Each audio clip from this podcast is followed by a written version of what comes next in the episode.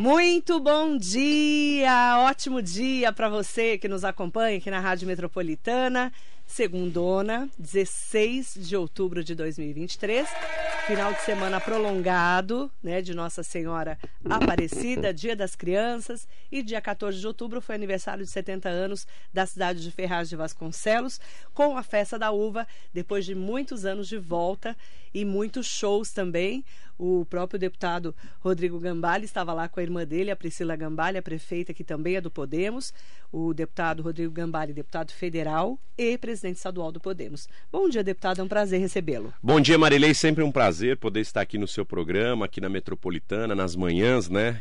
informativas aqui da nossa região do Alto Tietê. Bom dia, equipe técnica que faz sempre esse programa cada vez é, mais maravilhoso, né? E sempre com muita competência aqui nas informações e no jornalismo. E bom dia para aqueles que estão nos acompanhando aí ao vivo, aqueles que vão assistir depois nas redes sociais. É um prazer poder estar mais uma vez aqui na Metropolitana.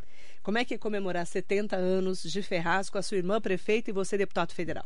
Melhor que isso é comemorar 103 anos da minha avó, Dona Nica, né? Dona Nica fez 103 Não, anos. vai fazer, vai fazer em novembro agora, ah, mês que vem. Falou pra é, dia 15 de novembro ela faz 103 anos, ela é nascida em Ferraz de Vasconcelos. Eu acho que hoje ela é a ferrazense Mas... mais, mais antiga, né? Que, que, que, que tem mais tempo de vida e nascida na cidade. Foi registrada em São Miguel Paulista, porque na época não tinha é, registro na cidade de Ferraz.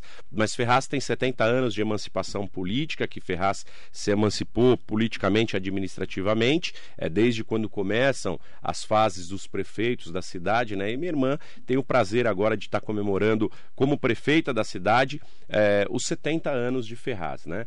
E nada melhor do que resgatar quase 10 anos aí sem festa da uva. A festa da uva foi algo maravilhoso e faz parte da história de Ferraz de Vasconcelos. Para quem está assistindo às vezes fala, mas tem plantação de uva em Ferraz? Hoje praticamente nada, mas a Priscila tem feito um trabalho é, de incentivo, principalmente na parte da agricultura, para voltar à produção é, de uva Itália. A gente sabe que não vai conseguir é, ser como foi no passado, né, mas é muito simbólico para a cidade, porque a primeira o primeiro pé de uva Itália plantada no Brasil foi na cidade de Ferraz de Vasconcelos. Então, a gente tem que resgatar nossas raízes, a gente precisa ensinar isso para as crianças, os alunos na escola, para não morrer a parte cultural da cidade. E é algo importante isso para Ferraz, porque a gente consegue mostrar as nossas raízes, né? Então, a festa da uva que estava aí abandonada há muitos anos foi retomada. Inclusive, eu queria até deixar um, um recado, Marilei. É, na minha época de jornalista, é natural. O jornalismo, como já dizia Milor Fernandes, né? É, o jornalismo é oposição. O resto é armazém de secos e molhados. Uhum. Então a gente precisa ser crítico. Eu tenho um vídeo lá que eu falo sobre a administração, as administrações anteriores e explicando o quanto dava para se investir na cidade com o dinheiro que foi investido na festa. Aí muita gente pegou e re repicou, o pessoal de oposição repicou. Uhum, eu estou tão eu preocupado com isso, Marilei, que eu nunca apaguei das minhas redes sociais aqueles vídeos. Se quando a Priscila se elegeu, ou eu me elegi para deputado, eu tivesse algum problema com aquilo que eu falei, por exemplo, eu fiz um vídeo lá falando sobre os buracos da cidade. Por que, que esse vídeo nunca foi resgatado? Porque os buracos da cidade, na gestão da Priscila, que eram os maiores problemas da cidade, era a quantidade de buraco na rua, hoje não existe mais. É claro, tem pontualidade, porque chove, buraco abre, água e asfalto não se combinam, né? Mas por que, que eu fiz aquela crítica? Porque antigamente salário de funcionário era atrasado, é, não se pagava merenda em dia, você não tinha atendimento médico e não tinha médico nos postos de saúde. Hoje é uma outra realidade. As ruas eram queijos suíços. De 12 mil lâmpadas que tinham nos postes de Ferraz, 4 mil eram queimadas. Hoje tem lâmpada no poste, hoje tem, na maioria, dos, dos, dos, postos de saúde, alguns ainda têm deficiência, que aqueles não foram terceirizados. Então a gente tem feito um trabalho é, hercúleo aí para conseguir fazer com que 100% da saúde funcione bem, mas a grande maioria já funciona. É, não atrasa salário de funcionário, nós temos luz em todos os postes, se queima na hora que alguém divulga ou alguém liga reclamando, já é trocada. Então, hoje, operacionalmente a cidade funciona. E a festa da uva, para quem pegar o, o, o, plano de governo da Priscila, tá lá na proposta, retomada da tradição da festa da uva em Ferraz de Vasconcelos. Então quem votou nela, votou para que a festa fosse retomada. Então eu não tenho problema nenhum, inclusive quando eu faço esse comparativo, as pessoas podem ter esse entendimento, porque uma coisa é a gente criticar, chegar lá onde a gente criticou aquele que estava e continuar da mesma forma. Outra coisa é você tocar e gerir de forma muito melhor.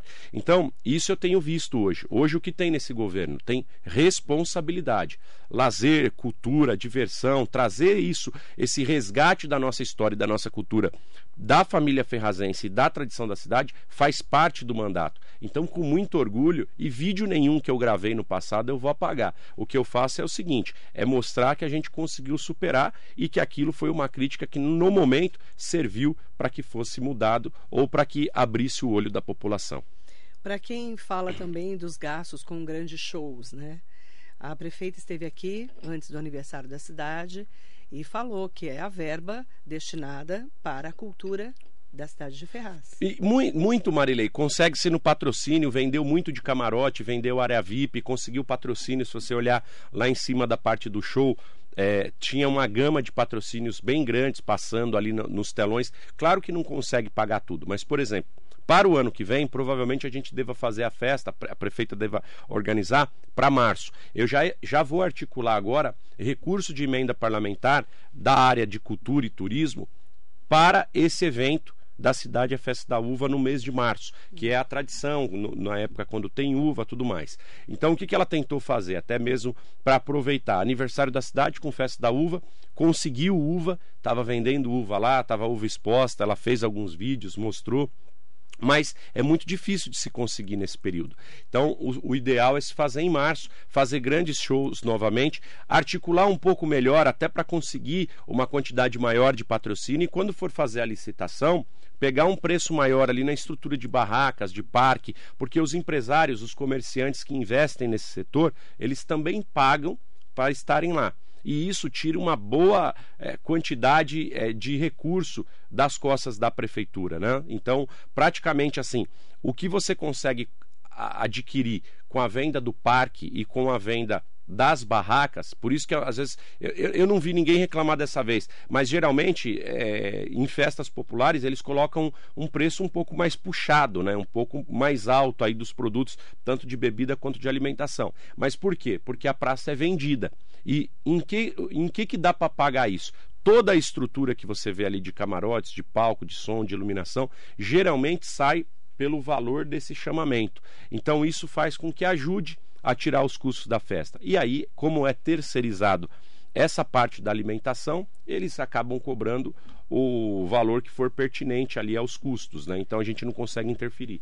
Você foi todos os dias na festa, menos o dia 12 que choveu demais. No dia 12 não teve a festa, é, ela foi adiada, o show da Simone Mendes, pela própria equipe, né? Eles não deixaram porque eles precisavam ali de duas, três horas para montar a estrutura de palco.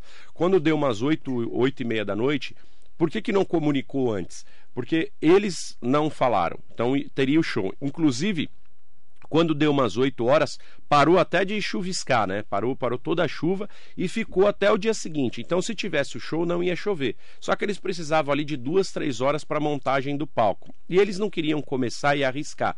Então, cancelou também Biritiba Mirim, que parece que tinha o César Menotti Sim. Fabiano. O Tomorrowland, que é uma grande festa lá internacional, Enorme. veio para Itu cancelaram Também a festa, cancelaram. tudo naquele dia. Mas por quê? Choveu, chovia parava. Não, e chovia, não era parava. só a chuva, era muita incidência de raios e trovões. Então, é um perigo, o né? risco que corre, exatamente, de chão molhado, é, não alagou lá, não teve nenhum alagamento com toda a chuva que teve, né? É, o, o risco de incidência ali de choque elétrico com trovão, raio, e acontecer uma tragédia maior, porque forçou ter o show é, não vale a pena. E quando a Priscila vai e comunica, as pessoas falaram: olha, mas por que, que quem estava lá não pelo menos avisou no microfone? Porque não deixaram ligar o microfone. Por que, que não avisou Isso. antes para que não fosse? Porque até aquele momento acharia que fosse fazer o show. Eles tomaram a decisão por volta de 8, 8 e meia da noite. No momento que foi tomada a decisão, já colocou uma propaganda ali, uma, uma comuni um comunicado nas redes oficiais da prefeitura avisando que não teria. Então, tudo aconteceu no momento que tinha que acontecer, com responsabilidade. A gente segurou até o último momento e graças a Deus, porque eu lembro que quinta-feira, no dia do feriado, que deu aquela chuva muito forte, tinha a segunda melhor previsão de tempo para a semana inteira. A melhor era na véspera do feriado, foi Zé Neto Cristiano, estava uma noite maravilhosa, lotado, lotado, lotado. Na quinta-feira já começou, o tempo era melhor do que sexta e sábado. Mesmo assim, sexta e sábado foi melhor, só quinta que foi muito ruim. Mas agora Simone Mendes vai ser amanhã o show. Vai é ser isso? amanhã o show. Vocês ela, reagendaram, né? Ela já reagendou para terça-feira. Eu tinha dado até uma sugestão para deixar para o final do ano, mas é, a própria Priscila achou que o pessoal ia achar, acreditar que estivesse enrolando a data. Então eles falaram: olha, a gente já tem um terça-feira, aproveita a mesma estrutura e aí vai utilizar a estrutura da festa que já está montada para fazer o show na terça-feira. É natural que não deva ter o mesmo público que Mas receberia. Vai ser que horas? Vai provavelmente 9 horas começa o show, um pouco mais cedo, até mesmo em respeito né? pessoal ir trabalhar, tal, 9 horas, 11 horas deve acabar, não deve ter duas horas de show, o show da Simone. Então, provavelmente aconteça isso. Agora do Alexandre Pires, por exemplo, começou ontem 9 e meia pontualmente, terminou meia-noite e meia. Nossa. Ele, ele, ele, tudo isso. Três horas de show, três horas. Mas no vídeo dele de divulgação para a prefeitura, ele já fala que é três horas de show. Então, um show incrível. Nossa. Quem foi adorou. E uma outra coisa, Marilei, que a gente volta a falar sobre responsabilidade. A festa foi tão responsável que tinha controle de entrada, tinha controle nas catracas, a polícia militar organizou muito bem a entrada das pessoas. Nós fizemos uma limitação de público e prova da organização nesse sentido é que todas as festas da uva, todas as festas de grande porte em Ferraz, eram interditadas na véspera ou no dia, tinha que correr arrumando é, a VCB porque não tinha. Era uma confusão, Ferraz. E eu participei, eu apresentei eventos dessas festas aí, eu sei como que era bagunçado, né? A gente apresentava o evento, mas a gente é, via como é que funcionavam os bastidores. Olha, jornalista não, vê tudo, viu, gente? Não deixava entrar gente na festa, não deixava entrar menor de idade. A festa foi tão rigorosamente controlada e teve a quantidade de seguranças para a quantidade de pessoas que estariam presentes tão adequada que até o juiz da cidade ele autorizou menores de 18 anos a partir de 14 a entrar sem o acompanhamento do pai. Isso nunca aconteceu lá.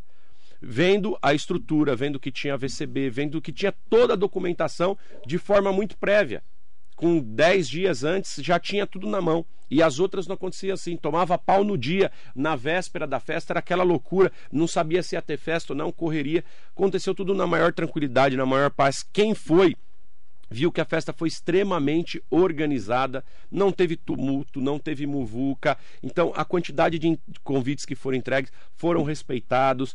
Fez um contingenciamento para quem não tinha ingresso antes do evento, para não adentrar. Então, tudo isso foi bem controlado. Agora, na próxima, provavelmente, vamos fazer da mesma forma, porque está dando certo. As pessoas precisam só se organizar melhor para a troca de ingresso.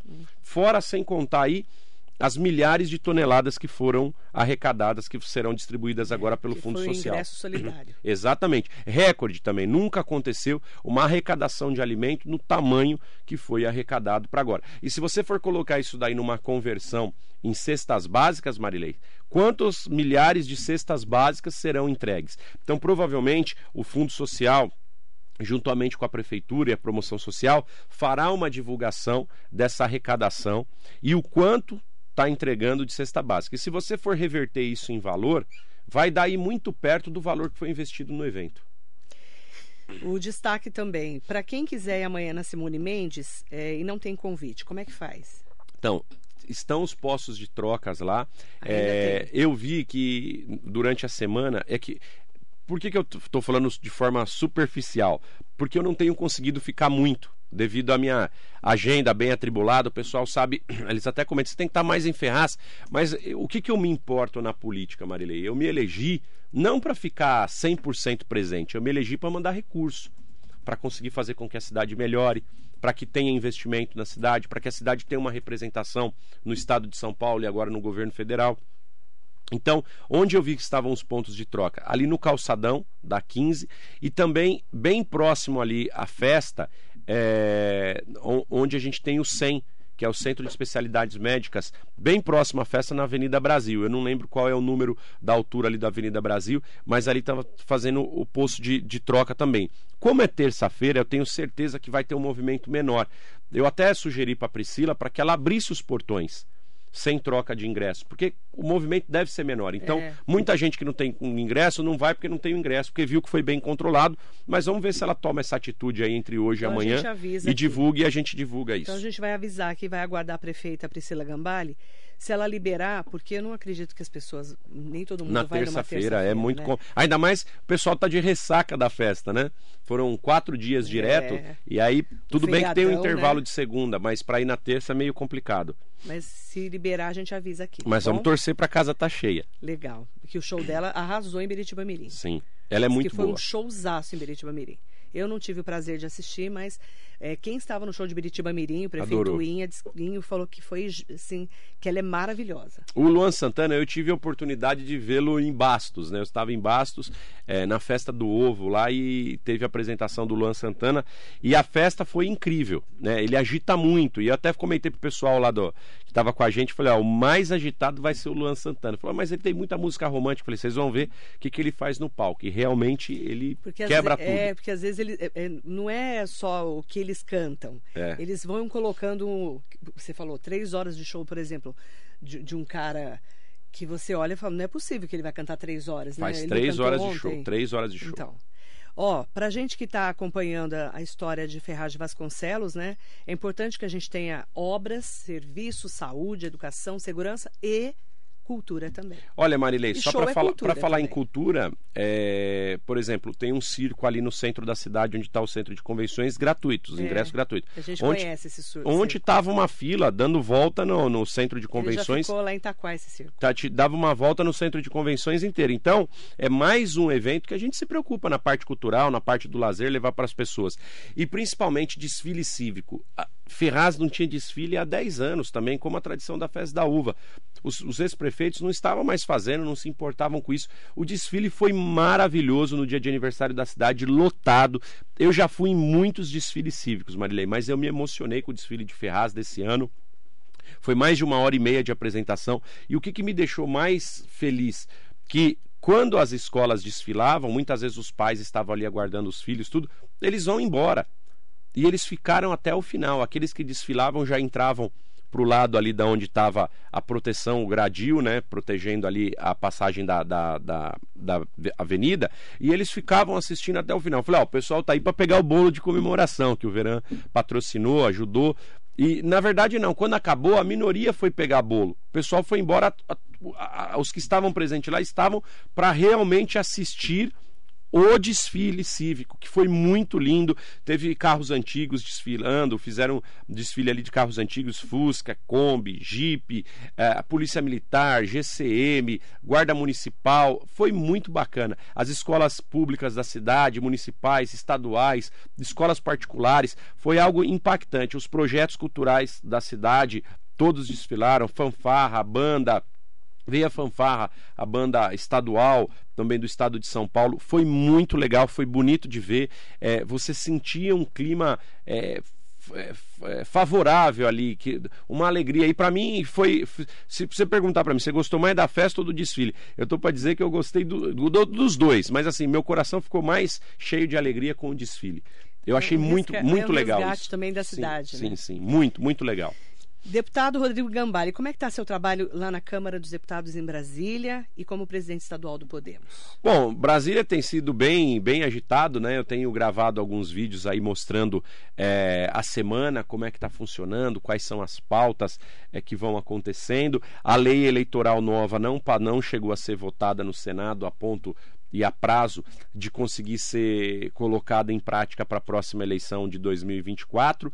Ah, então a gente vai ainda aguardar essa mudança. É, nós estamos vendo algumas mudanças, como passou ali o texto do arcabouço fiscal, reforma tributária, precisa ainda se votar sobre valores né, é, dos impostos de tributação da reforma que já foi aprovada, agora precisa vir um, um PLC, um projeto de lei complementar, para se colocar isso é, em prática. Então tem muita coisa para acontecer ainda até o final do ano, tem muita pauta, muita agenda.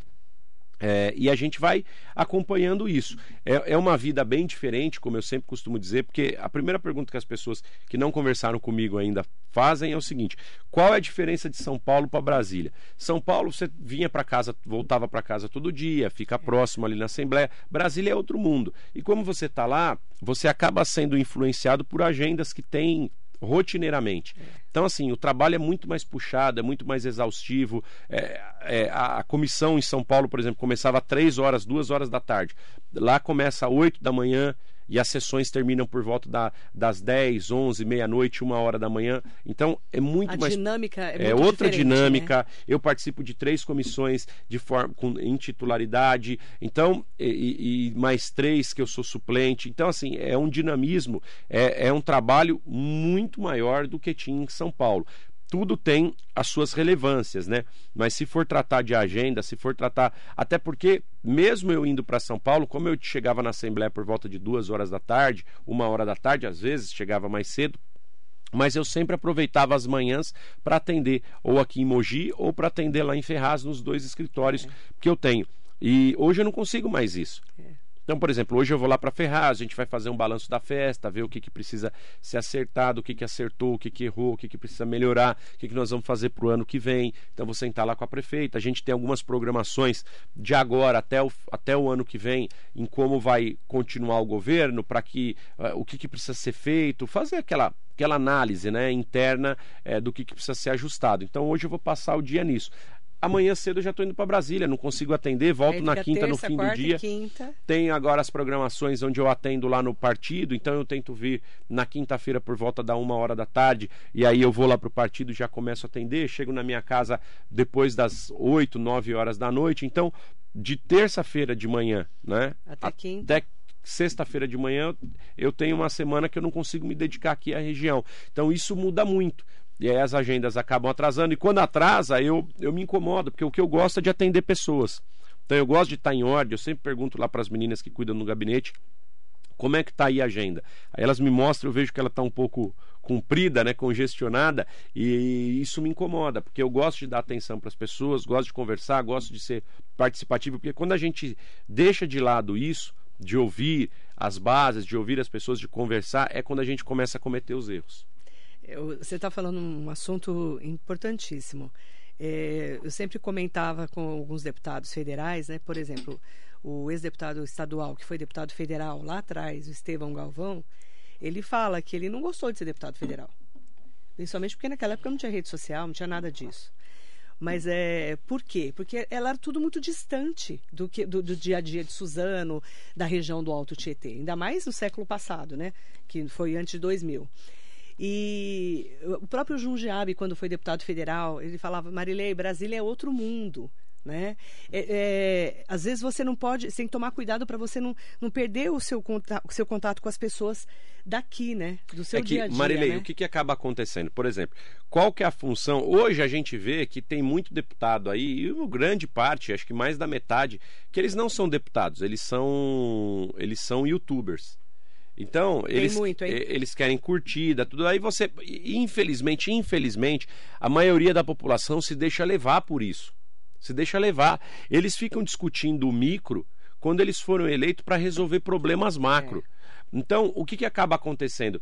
Eles têm mais visualização, têm mais curtida, têm mais engajamento, têm mais voto só que se você for parar para pensar assim, ó, o que que fez de entrega? Nada. Nada. Não trabalha, não ajuda nenhuma cidade, não liga e fica até morando lá, é. porque a única coisa que precisa utilizar é a rede social. É, famoso. E tá bom, é famoso e tá bom. É como os famosos, por exemplo, um tiririca da vida. É. O que, quem votou no tiririca? Ah, meu voto era de revolta contra os políticos, tá bom.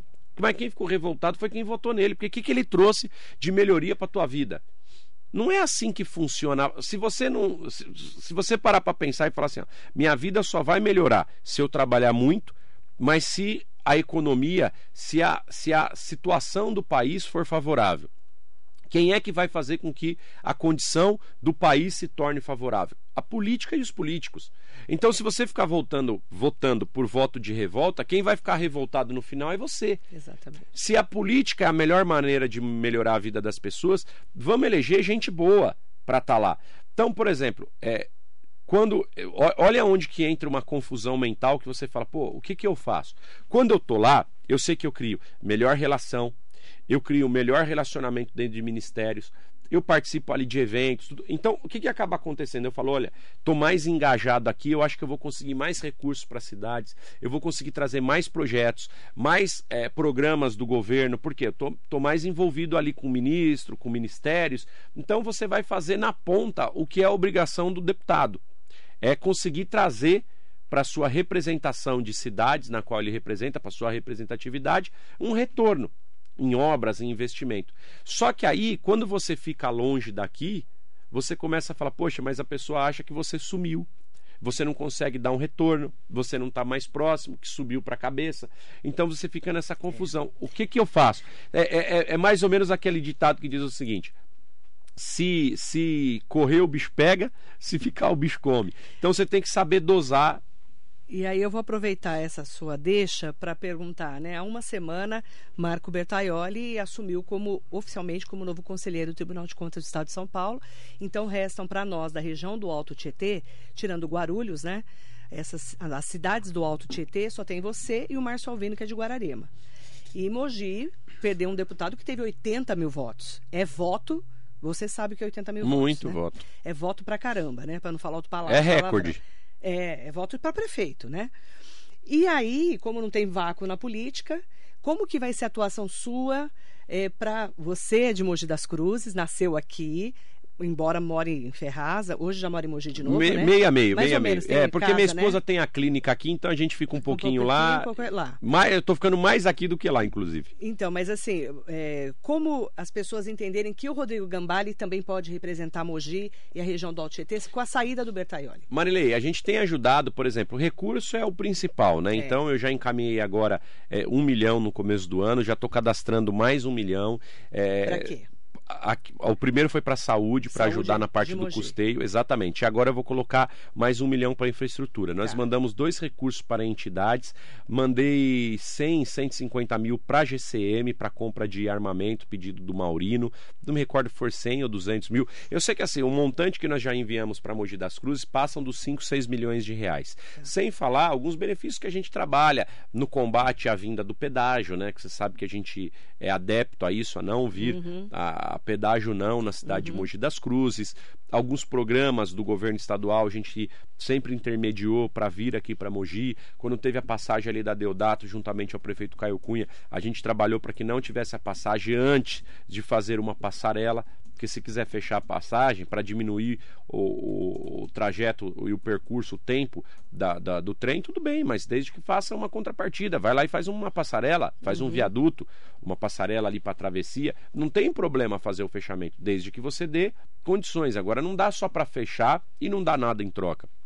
Então, foi algo propositivo para a cidade. Tem muita coisa que a gente trabalha em cima dessas pontualidades. Tenho feito um trabalho junto também ao governo para que se abra ali uma estrada da ligação de um grande parque industrial que nós podemos ter aqui, que é a estrada ali que liga o Taboão com a Ayrton Senna, até o próprio Taboão dá para você ligar para dois lados, tanto para Dutra quanto para Ayrton Senna. Então, é, Mogi ainda tem muito mais do que crescer, evoluir, principalmente na parte de emprego, nessa parte industrial, e a gente tem que marcar e ficar em cima. Então, é, para mim é uma obrigação, além de uma honra, é uma obrigação poder representar Mogi das Cruzes. E aquilo que o próprio Bertaioli tiver de demanda, que ele achar que eu possa estar assumindo para que não, não, não se perca e não caia, eu quero continuar podendo assumir é, e trabalhar em nome dele, né? Até porque ele é um, uma grande personalidade política e uma grande personalidade mogiana e que representa muito bem a cidade. Eu disse aqui que o Bertaioli poderia ser o que ele bem entendesse pela capacidade técnica, a seriedade no trabalho que ele tem, é, a competência e a experiência que ele já tem, tanto dentro desse ramo quanto do ramo empresarial, de associações comerciais. Ele é um, ele é um, um, um não vou nem dizer um político, mas um cidadão completo. Tá? Então, em todas as formas que ele se coloca para trabalhar, ele sempre vai bem. E é aquilo que eu sempre digo e, e repito: tenho certeza que ele será um excelente é, conselheiro do Tribunal de Contas. Agora, deputado Rodrigo Gambale, você é presidente estadual do Podemos e nós temos aí toda uma movimentação para as eleições do ano que vem. E aqui em Mogi o Podemos é Caio Cunha, Sim. né? E pré-candidato, inclusive, à reeleição. Como é que você está estruturando o partido para as eleições? Bom, o Caio tem, tem se autocoordenado aqui, né? Até porque é, ele ele está antes de mim no Podemos, né? Ele tem uhum. mais muito Chegou mais moral, tá, tem mais moral do que eu. Tem a tem a, a prioridade da, da, da, antecedência. E o Caio tem, tem melhorado muito cada vez mais o trabalho, as coisas que têm acontecido em Mogi. Eu sempre falei desde o início que ele será um grande prefeito, seria um grande prefeito, que demora para ajustar a máquina, porque era, era um grupo que estava há 20 anos, ele entrou é, sozinho, com um grupo reduzido, não sabia ainda como funcionar. Então, o tempo vai mostrando isso. E quem deu essa oportunidade para ele foi a própria população. Então, a população, ela também precisa entender que ele entrou ali de gaiato no navio, né? Até porque é, ele não tinha nenhuma experiência de executivo, mas eu tenho visto que ele tem superado as expectativas e tem melhorado gradativamente. Então, eu tenho visto que ele é, tem sido um grande prefeito, vai melhorar e vai melhorar demais. O Caio tem feito é, um trabalho mais pontual para quem mais precisa da política, que são os setores mais necessitados, classe C, D e E. Então eu tenho visto que o Caio tem feito um trabalho é, fantástico aqui na cidade e vai melhorar cada vez mais. Eu tenho certeza que até o período de eleição ele vai vir muito mais fortalecido para a reeleição dele. Então, tenho certeza que ele tem uma grande chance de reeleição. Ele pode e deve contar com o meu apoio sempre que ele precisar. É, eu estou aqui à disposição dele.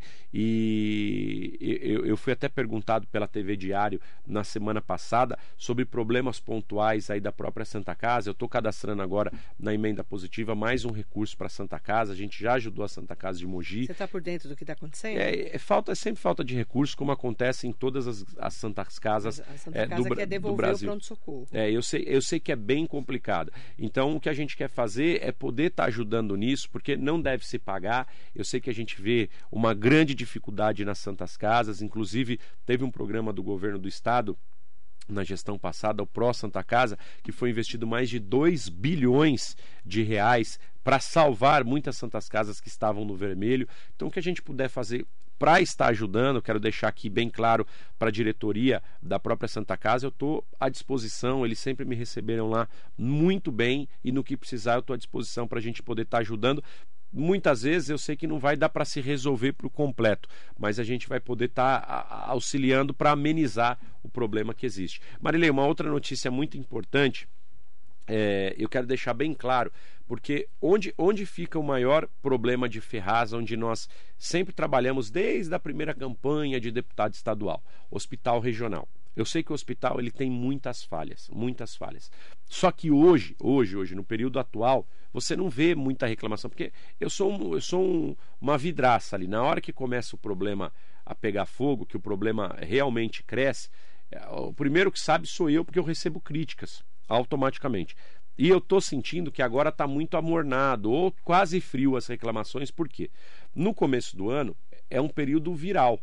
Então é um período onde há muita contaminação viral é, através de gripes, H1N2, é, H, 2 n 1 eu não, não, não, não me recordo a, a, a, o número certo da, da, da, gripe, mas tem problema de Covid, por quê? Porque é um período onde é, o vírus se espalha, né? no período ali de março, no período de fevereiro, abril, e o que, que acaba acontecendo? Os prontos-socorros, pronto atendimento e os hospitais ficam sobrecarregados. Então, você vê a oposição indo lá na época onde está mais crítico, reclamando. Mas ele não mostra que todas as cidades também estão com a mesma deficiência. Eles não mostram que o hospital particular também está tudo lotado. Por quê? Porque é um surto viral.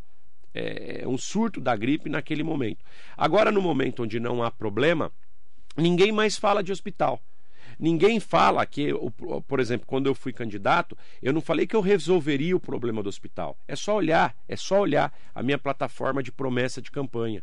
Né? O que, que eu falo? Que eu reabriria a pediatria. Em um ano estava reaberta. Você não ouve uma reclamação da pediatria, porque funciona de forma terceirizada. Ela era, Marilei, para atender 2.500 crianças no projeto. Não tinha nenhum leito de pediatria há nove anos em Ferraz de Vasconcelos. Hoje tem 43. Então tem 25 de internação, tem 8 de, de observação, tem o pronto atendimento e tem 10 leitos de UTI. Então ninguém reclama da pediatria. Só que se você olhar no meu plano de governo, o que eu prometi foi reabrir a pediatria. Só que eu não parei por aí. Nós temos a melhor pediatria aqui da região. Não tem reclamação. Ali tem uma equipe para atender 2.500 crianças mês. Atende 6 mil, Marilei. É mais do que o dobro, é quase o triplo. É duas vezes e meia o que era para atender, mas mesmo assim dá conta e não houve reclamação.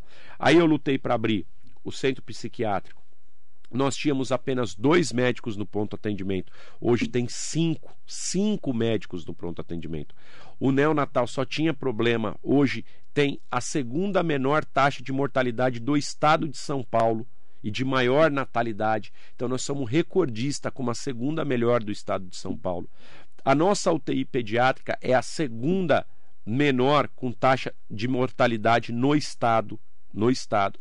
E agora nós, nós reabrimos o centro psiquiátrico ali, que tem mais 10 leitos de psiquiatria, que mesmo assim fica cheio, não tem jeito. 10 é pouco, mas 10 pega um andar inteiro, porque os leitos são separados. Nós arrumamos muita coisa do hospital. E o quarto andar, que nunca foi aberto, que era um depósito de inservíveis, Inservíveis é o que são o que? São aquelas coisas que não usa, maca velha, equipamento velho, era um depósito ali que nunca foi aberto. Já acabou de entregar e ficar pronto, eu vou soltar um vídeo. É a UTI mais bem equipada do Alto Tietê e eu acho que é a mais bem equipada e mais preparada do estado de São Paulo. Quando será inaugurada? Adulto? adulto, 20 leitos de UTI adulto. Quando será inaugurado? Dia 26 agora de outubro. Ela já está pronta, ela ficou pronta para ser entregue para o, para o aniversário da cidade. Mas o governador quer vir na inauguração. Então ele está acertando uma agenda. Provavelmente o governador estará em Ferraz de Vasconcelos mais uma vez, acho que pela quarta vez que ele vem a Ferraz, no dia 26 de outubro, entregando 20 leitos. O que, que eu estou trabalhando? Estou trabalhando junto à USP e também à Uninove para que uma das faculdades né, e tem outras faculdades interessadas, assumam o hospital como hospital escola. Porque aí a gente vai ter médicos preceptores, nós vamos ter tutoramento para os médicos que estão lá, nós vamos ter dezenas de alunos residentes no hospital. E uma coisa que eu falo, falo e repito: nós vamos ter o melhor hospital um dos, ou o melhor hospital do estado de São Paulo, porque eu estou trabalhando dia e noite para que a gente melhore a situação do Hospital de Ferraz e para que ele sofra uma maior terceirização, porque onde a gente tem terceirização funciona bem. E eu quero dizer uma coisa aqui que por que, que eu falo de terceirização? Porque a equipe hoje é, do, dos funcionários que são concursados são ruins? Não. Quem trabalha lá e pode perguntar para a diretoria. Não existe uma equipe, ter, uma, uma equipe concursada, uma equipe que é da gestão tão boa como é do Hospital de Ferraz de Vasconcelos. Eles dão a vida pelo hospital. Eu convivo lá e eu vejo que geralmente a, é, a gente vê problema nisso, mas aqueles que estão, a grande maioria, 90, 95%, vivem no hospital e dão a vida pelo hospital. São fantásticos, excelentes. Fala, Rodrigo, então por que trabalhar por mais terceirização? Porque falta gente. Foram se aposentando muitos e não foram repostos, não existiram concursos para repor. Então, como é que você consegue é, dar conta dessa falta de efetivo? Através da terceirização. Então, nós estamos trabalhando em cima disso. Mas a gente quer continuar mantendo todos que estão lá, porque eles prestam um trabalho de excelência. E eu estava conversando, inclusive, essa era a minha visão. Eu fui conversar com a, com a diretora, com a doutora Aline, e ela realmente fala: Rodrigo, eu nunca trabalhei num local onde tivesse ali um funcionário de carreira que se dedicasse tanto como os que se dedicam no hospital regional. Então eu quero fazer essa, essa ressalva aqui, quero fazer essa é, pa, é, pa, parabenizar, quero fazer essa pontualidade, essa pontuação, essa pontualidade aqui para aqueles que trabalham no Hospital de Ferraz, eles dedicam a vida. Mas muitas vezes é humanamente impossível porque não tem condições de atender tanta gente, porque dobrou o atendimento do hospital com tão pouco recurso e tão pouca, é, com tão poucos profissionais. Já que o deputado Rodrigo Gambale entrou no Hospital Regional Osíris Florindo Coelho, né, que o pessoal ainda chama de São Marcos, inclusive, né, é... né, que é, é, hoje é o Regional de Ferraz, né, que é um hospital estadual, tem algumas partes que já são terceirizadas. Grande, uma boa parte, boa parte. Na é. verdade, não, não é fisio, é a psiquiatria. Psiquiatria já psiquiatria, é a, o neonatal, Já está terceirizado. Ginecologia, a ginecologia, eu acho que tem uma parte que não. Por exemplo, a ortopedia. Ah, Marilei, olha só, só para te falar que você vai entrar num detalhe. Olha como que era o hospital antes. Marilei, você vai fazer uma cirurgia, não precisa só do cirurgião. Você precisa de uma série de fatores. Então, por exemplo, internou alguém lá, aí quebrou uma perna, teve uma fratura. Você precisa do, primeiro do quê? Fazer um raio-x. E o que, que, quebrou, né? O que, que acontecia lá? Raio-X, antes de assumir a FID, que a FID hoje tem 24 horas de exame de imagem lá. E como é que funciona? Os equipamentos são do hospital, mas o responsável pelos equipamentos é a empresa. Ela é a responsável. Então, o hospital tem, mas se quebrar daqui para frente, é ela que precisa substituir. Então a pessoa se machucava duas vezes por semana, tinha só exame. Ela tinha que esperar o dia que caiu o exame. Aí depois que ela conseguiu o exame, ela sabia onde era o problema. Hoje é 20, são 24 horas por dia uma empresa especializada. Depois disso, ela tinha que entrar na anestesia. Então, faltava quatro vezes por semana anestesista. Hoje nós diminuímos essa falta, mas ainda existe. A nossa ideia é zerar, tá? E aí quando tem um anestesista, ele precisa combinar e estar tá com o médico para fazer a cirurgia. E isso nunca casava. Então uma pessoa que entrava lá para fazer uma cirurgia, Marilei, demorava 40, 50 dias internados. O hospital, ele fazia quatro cirurgias mês. Quatro ortopédica. Hoje faz uma média de 80 a 100. Nós queremos chegar perto de 200. E aí, quando a gente trazer esses residentes de universidades, quando a gente aumentar com médicos preceptores, a gente terceirizar também o período da noite, que tem muita falha, mas hoje tem médico cirurgião lá 24 horas por dia. Não tem a quantidade ainda adequada? Não, mas tem 24 horas por dia. Então, nós passamos de 4 cirurgias mês para 80 a 100. As pessoas muitas vezes ainda demoram, ficam 10, 15 dias? Sim, e principalmente em casos específicos, que envolve coluna, que envolve neuro. Então, essa é uma falta porque o hospital regional não é referenciado em neuro. Então, precisa arrumar uma outra vaga para transferir para um hospital é, seja referenciado. Só que aí muitas vezes aí fala, tá, então por que, que vocês abrigam essa pessoa dentro do hospital e fica segurando ela lá? Porque o Hospital Regional de Ferraz de Vasconcelos é porta aberta. Quem entrar, o socorro não é omisso. Você precisa atender e pelo menos dar os cuidados paliativos. Agora, esses hospitais que têm referência nesses atendimentos, eles são porta fechada. Se você chegar lá, eles não te atendem, eles deixam você morrer na porta. É o Luzia de Pinho Melo. exatamente, que não tem a porta aberta. Santa Marcelina de Itaquá. E tudo fechou, fechada. tudo, tudo. Aí caiu nas costas de onde? Do regional. regional. Agora, desculpa, eu acabei te interrompendo. Não, mas é, é, você trouxe um assunto você falou que dia 26 de outubro pode ser que o governador venha para cá. Isso, isso, isso, A gente está aguardando o governador. Vou te convidar, inclusive, para estar presente. Se não for cedinho, eu vou com tá. o maior prazer. Inclusive para questionar o governador e o doutor Eleus Spava, que é o secretário de Estado da Saúde, sobre a CROSS regional. Porque tivemos reuniões, inclusive, regionalizando, falando sobre a regionalização da Central de Regulação de Ofertas de Serviços de Saúde. Porque você tocou no ponto que o que faz o Hospital Regional de Ferraz? Ele falou várias especialidades, mas falou, por exemplo, a frase: não é referência em neuro. neuro. Santa Casa de Mogi é. Ah, por exemplo, Marilei, o hospital, a, a, pediatria. A pediatria, ela funciona, ela pega internação, pega Mas observação. Mas tem maternidade. Mas não tem, tem maternidade. Tem maternidade? Não, lá nasce, tem o neonatal. Tem, sim, sim. Tudo. Tem tá. terceirizado, funciona muito bem. É a segunda com, menor, com maior natalidade, ah, tem. Tem menor mortalidade. Então, muito, funciona muito bem. Então, Marilei, só para você ter uma ideia. Se chegar uma criança com problema de neuropediatra, não tem neuropediatra. Mas por que, que não tem? Não adianta reclamar, porque lá não é referência para neuropediatra. É, é aí que funciona o CROSS. É, aí que entra o é, governador. Exatamente. Que o CROSS é administrado pela Secretaria de Estado da Saúde, não é o prefeito que faz isso. Nenhum prefeito manda. Quem é que manda? É o governo do Estado de São Paulo através da Secretaria de Estado da Saúde.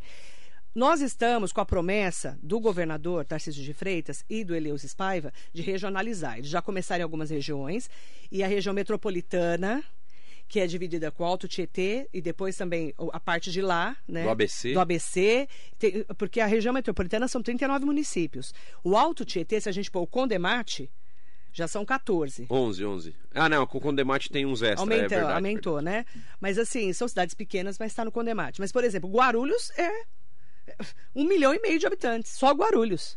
Se juntar toda a região do Alto Tietê, não dá Guarulhos. Então, é quem que vai administrar aqui na nossa região o, o cross regional? Para quê? Vamos voltar lá na Santa Casa. Urgência e emergência, a prefeitura paga até 2 milhões e 200 mil reais por mês para a Santa Casa administrar porta aberta, vaga zero. Qualquer um tem que entrar. A Santa Casa tem que atender urgência e emergência. É obrigada. Lá, que é administrada pela Santa Casa, o dinheiro da prefeitura, ok? Chegou lá, essa é a grande reclamação da Santa Casa, deputado. Chegou lá o paciente, tá? Ele chegou tendo um ataque cardíaco, por exemplo. Entrou, estabilizou, e eles começam a procurar uma vaga porque lá não é referência de cardiologia. Referência de cardiologia é o Luzia de Pinho Melo. Só que o Luzia só vai abrir uma vaga se tiver vaga. E não tem vaga. E aí ele fica com esse paciente mais de 24 horas. Aí já não é mais urgência emergência. Aí entra no sistema dentro da Santa Casa e fica ali no corredor. Esse mais de 24 horas, a responsabilidade já não é mais a prefeitura. A Santa Casa que lute. Essa é a reclamação deles. Então, o dinheiro, é, que eles não falam, não estão reclamando do dinheiro. Eles estão reclamando que a infraestrutura da Cross não atende depois das 24 horas. Entendeu? Sim. É o que você está falando do Ferraz. É que, por exemplo, Marilei, existem. Ó, você vai pegar os UPAs, né? As UPAs. As UPAs, você, você pega ali a, as UPAs, aí você faz o seguinte: ela tem número que é por quantidade de atendimento e de demanda. Então tem a UPA número 1, número 2, vai até o nível 8. Então, quando você pega e você fala, o que, que muda nisso? É a quantidade de atendimento, e quanto mais atendimento você faz, mais o governo te repassa. Mas ele repassa 25% do seu gasto, Isso. praticamente. Se você gasta 2 milhões, porque uma nível 8 deve gastar uns 2 milhões e 400, mais ou menos, o governo federal vai te dar ali uns 500 mil, uns 600 mil, estourando, e ele faz a construção da UPA para você. Só que, por exemplo, por que, que eu estou dizendo isso? Eu vi já muita cidade que tem UPA nível 3, e recebe para atendimento nível 3, mas atende no nível 8. Por quê? Porque, por causa disso que você acabou de dizer. A pessoa entra lá, você não pode ter uma omissão de socorro. O cara está infartando, o cara está tá baleado. Você estabilizou, mas aí você fala assim: olha, ele está tá precisando, um ele está ele tá AVCzando ali, ele está infartando. Tendo um derrame. Você precisa mandar ele para outro hospital. Não tem vaga, você fala assim: não, eu já fiz aqui a urgência eu vou soltar ele na rua de novo? Não pode. Você não pode. Se o cara morrer, está ferrado. Marilei, uma outra tá coisa. Tá ferrado. Olha só que, olha só que interessante. Se você chegar, por exemplo, hoje no Luzia, se você adentrar ali no Luzia, que é porta Só referencial. se for com o SAMU. Isso. Então, mas por exemplo, vamos supor que você é um você é um acompanhante de alguém que está internado. OK. Você entra no Luzia e, e inclusive, Marilei, eu sou um defensor disso. Eu acho que todos os hospitais tinham que ser assim. Porque eu acho que cada um tinha que cuidar da sua função. Porque 80% das pessoas que procuram hospital, elas não precisavam de hospital. Elas vão lá por causa de uma gripe, vão lá por causa de uma febre, elas vão lá por um problema que não tem nada a ver com o é hospital. Urgência e emergência. E aí sabe o que, que acontece? 80% do recurso do hospital, que era para ser usado em cirurgia, que era para ser usado em atendimento de leito de internação, ele vai para um atendimento de porta que não precisava estar tá passando lá, tinha que estar tá passando num que posto. O Luzia fechou a porta Isso. e justificou. E ele atende muito melhor dessa forma e ele aplica o dinheiro muito melhor. Só que o Só cidadão que não quer saber disso. A Santa Casa Isso. E o cidadão quer saber do quê? Eu, que eu fiquei ruim, eu quero no hospital, quero ser atendido. Então, o que, que tem que acontecer? Tem que vir um serviço conjunto entre prefeitura, entre governo do estado e fazer um pronto atendimento só de porta. E aí ele usar esses hospitais como retaguarda para transferir quem está com problema ali, mas um hospital próximo, um hospital da cidade, um hospital de credibilidade.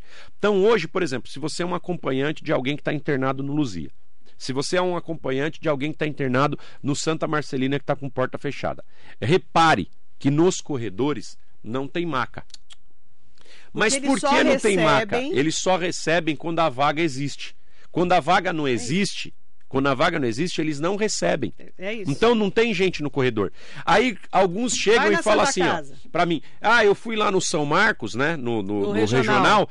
tem gente no corredor. Sabe por quê? Lá não pode falar que Lá não pode mandar embora. Se ele está no corredor, é claro que eu não, eu não posso dizer assim, ó, agradeça porque está no corredor. Não, mas, mas, mas é mais ou menos isso. Porque atender. ele tem que atender. Não é porque tem vaga sobrando dentro do quarto isso. que falaram assim, ó, tem um quarto vazio, mas estão deixando no corredor. É porque o hospital não põe para fora.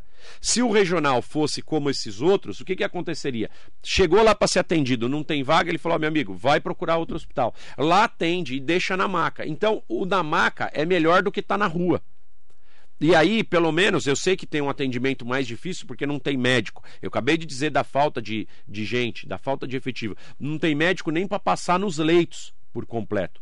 Quiçá ficar passando no corredor. Mas pelo menos, se você tiver algum tipo de agravamento de quadro, é. você está dentro Tem do hospital. Você está tá dentro lá. do hospital. Então essa é a diferença. Então quando eles reclamam, olha, está na maca, mas pô, agradeça que está na maca. Porque era para nem estar então, lá na maca, porque não tem vaga. Essa lição de casa é do governo do estado de São Paulo. Essa lição de casa. O doutor Eleusis Paiva, que eu vou convidar de novo para uma entrevista aqui na Metropolitana. Vou convidar também a e a Marilene não dá mole, não. É porque eu conheço o sistema, né? Eu já passei por muitos. muitos Agora, vamos falar sobre né? o cross regional, Marilene. Assim, então, igual que você estava comentando. Eu sou até um defensor disso, mas, por exemplo, o que, que tem que acontecer, Marilene, para funcionar? Não, então, é. Porque, por exemplo, vamos supor aqui, ó, a gente faz o seguinte: o que, que qual que é a ideia do cross regional? É que no Luzia de Pinho Melo só vem a gente do Alto Tietê. E no hospital regional só seja atendido do Alto Tietê. Ah, mas vai negligenciar pessoas que são de fora? Não, não é isso. É que se tiver que fazer uma transferência, cada um tem o serviço na sua região. Mas, por exemplo, você pega aqui uma pessoa que precisa de um neuropediatra. Se você não tiver nenhum neuropediatra ou não tiver a suficiência de vaga no Alto Tietê para atender, nós vamos ter que mandar para fora. É. Então, para funcionar um cross regional, você precisa dar conta da demanda na sua região porque senão não vai ter jeito. Você vai começar a transferir e vai continuar transferindo para fora. Mesmo porque nós temos agora o HC de Suzano, que é Hospital Regional do Alto Tietê, o HC de Suzano, com uma nova ala, novas vagas, cirurgias. E nós temos o doutor Arnaldo Peso de Cavalcante, não vamos esquecer, aqui em Jundiapeba, que é subutilizado. Exatamente. Ele é, ele é, subutilizado. Todo mundo sabe disso. Há muitos anos que eu falo disso. Mas o problema, Marilene. O que cada um vai fazer? O, o, problema é o seguinte: eu acho que hoje é, não é falta de novas estruturas, é falta de equipe. É uma falta ainda de planejamento para usar o que existe. Então, por exemplo, eu vou dar uma, uma base como lá em Ferraz. Você precisa construir um novo teatro? Não, você precisa terminar aquele que está pronto, ou pôr no chão porque vai custar mais caro do que construir um novo. Uhum. Só que, aí, muitas vezes agora, vai fazer uma licitação, por exemplo, aí dificuldades que você tem. Por que, que não derruba e faz um novo se reformar aquele é mais caro ainda? Marilei, é muito engraçado. Presta um lápis só para eu dar um exemplo. Por exemplo, para quem está assistindo aqui, não precisa ser engenheiro, mas ele faz ideia de que assim, ó, aquilo que sustenta uma estrutura em pé aqui é uma coluna. Aqui é uma coluna. Aqui, ó. E o que atravessa é a viga, certo? Uhum. Então, qual que é a lógica? Aqui nós estamos dentro do, dentro do estúdio, deve ter coluna aqui, deve ter coluna ali e uma viga passando aqui em cima. Qual que é a ideia? Por exemplo, quando você tem uma coluna aqui, uma coluna aqui, aqui geralmente vem uma laje para ser sustentada pela viga. A ideia é que a laje esteja encostada na viga, porque é a viga que dá sustentação. Se você entrar lá, eu queria que você fosse lá para você ver como que é. A laje está a essa distância da viga. Uhum. Então, por que, que a gente fala que vai cair? Porque a própria obra lá não é amarrada. A própria obra lá foi feita de uma tal maneira que ela é toda torta. Então, qual que é o grande problema? Então, por que, que não põe no chão e constrói novamente? Porque se colocar no chão para construir novamente, foge do projeto que o governo do estado fez. Aí a prefeitura, do governo federal mandou. A prefeitura precisa terminar de construir, gastar todo o dinheiro e devolver para o governo, porque foi um dinheiro investido e não concluso a obra. Então, o que, a prefeitura precisa fazer? Ela precisa concluir aquela obra, mesmo que custe mais caro, para chegar para o governo federal, porque tem tomada de conta. A qualquer momento, o ministério vai falar assim: ó, teve 2 milhões de reais investido aqui em 2006. Desses 2 milhões de reais, hoje, eu sei quanto que está, hoje está 8 milhões a devolução. O ministério quer 8 milhões de volta. Ou vocês mostram a obra concluída. Então a prefeita vai terminar aquilo para não ter que devolver 8 milhões de reais. E o que, que acontece no governo do estado? A mesma coisa. Ele tem que colocar o que está parado para funcionar. Não adianta ficar criando novos prédios, tem que fazer funcionar. O doutor Arnaldo é subutilizado. Há tem muita gente que nem sabe onde é o doutor Arnaldo. Exatamente. Você pega ali onde tem a festa do Akimatsuri, o é. Bunkyo, segue ali a Avenida Japão, é. até lá no final. Aí quando você chega à direita ali no Jardim Universo, tem ali o Hospital do Dr. Arnaldo, naquela região, naquela ponta que seria importantíssimo o funcionamento, não só para Mogi das Cruzes, mas para o Alto Tietê inteiro. Mas infelizmente a gente tem essa grande dificuldade. A pauta não era saúde, né? Pauta, mas entrou. Mas entrou a pauta da saúde ao vivo, é isso. Ainda mais um jornalista que é deputado, que conhece a estrutura da região, né, deputado? E eu, como falo de saúde há muitos anos aqui na rádio, a grande responsabilidade agora do governador e do doutor Eleus Spaiva é, é reestruturar a região do Alto Tietê, o que tem aqui, para a gente ser atendido aqui. Ô Marilei, e, e, uma coisa que a gente precisa levar muito em consideração é que assim, a saúde é um poço sem fundo ou um saco sem fundo. E quando a gente fala isso, o que, que eu quero dizer? Por exemplo, Mogi sempre foi referência em saúde. Então, hoje tem aqui a parte da pediatria ali, o vagalume. É um lugar maravilhoso, muito bem montado, tem um bom atendimento. O que, que vai acontecer? Um pai e uma mãe, quando tem um filho doente, ele quer levar no melhor lugar. Então, gente de Taquá, gente de Poá, às vezes também de Ferraz, de Suzano, ele acaba trazendo, acaba trazendo o filho aqui porque tem uma impressão de que o atendimento é melhor do que na sua cidade. E aí o que, que acaba acontecendo? Um gargalo infindável. Porque tem uma estrutura para atender a própria cidade, mas acaba recebendo gente do Alto Tietê inteiro num serviço municipal Exatamente. que era para atender só mogiano. Mas a saúde, ela tem uma lei obrigatória que é não recusar o atendimento Exatamente. daquele que precisa. Então ela acaba atendendo todo mundo. Então a saúde só vai funcionar, Marilei, se cada um cuidar do seu se cada município tiver é, qualidade de atendimento para que o seu município, o seu cidadão, a, a sua população não saia do município para ir para fora. Então, por exemplo, Ferraz de Vasconcelos, antes do pouco que atendia o hospital, que o pessoal tinha medo de ir lá, né? Hoje em dia aumentou muito. Você tinha 14 mil atendimentos por mês. Hoje, só no, no, no, no pronto atendimento ali, chega na casa dos 20 mil. Nós estamos falando de mais de 30% de aumento. A pediatria era zero atendimento. Hoje tem 6 mil da pediatria. Então, o que, que acontece? As pessoas procuram porque elas começam a sentir confiança. Elas começam a ver que o serviço funciona.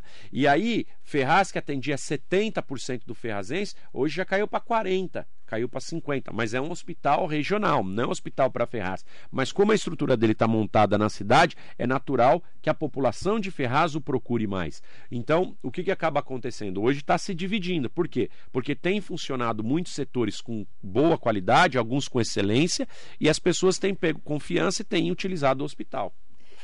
É, eu quero dizer o seguinte: primeiro, pedir desculpas que eu não vou conseguir ler as os recados, as perguntas. A gente tem um monte de gente perguntando sobre política, não vai dar tempo de a gente falar. Vou convidar o deputado para voltar, para a gente falar Obrigado. Do, dos assuntos de é política. É que hoje teve festa da uva, acabamos entrando no assunto de saúde. É, que falou em saúde. A gente ia falar sobre os candidatos no Alto Tietê, do Podemos, mas a gente deixa para próxima. Mas aí a gente deixa para... Combinado? Combinadíssimo. Então tá combinado. O deputado vai, vai voltar para a gente falar de outros assuntos, inclusive de política, que tem várias perguntas aqui sobre política. Combinado? Obrigada, deputado. Obrigado, Marilei. É sempre um prazer estar aqui com você no seu programa. Obrigado a todos da Metropolitana e aqueles que nos acompanharam aqui. É, o que precisar, a gente está sempre à disposição e vamos continuar nosso trabalho. Ótima semana de trabalho. Bom dia e boa semana. Federal Rodrigo Gambale, presidente estadual do Podemos aqui na Metropolitana. Bom dia.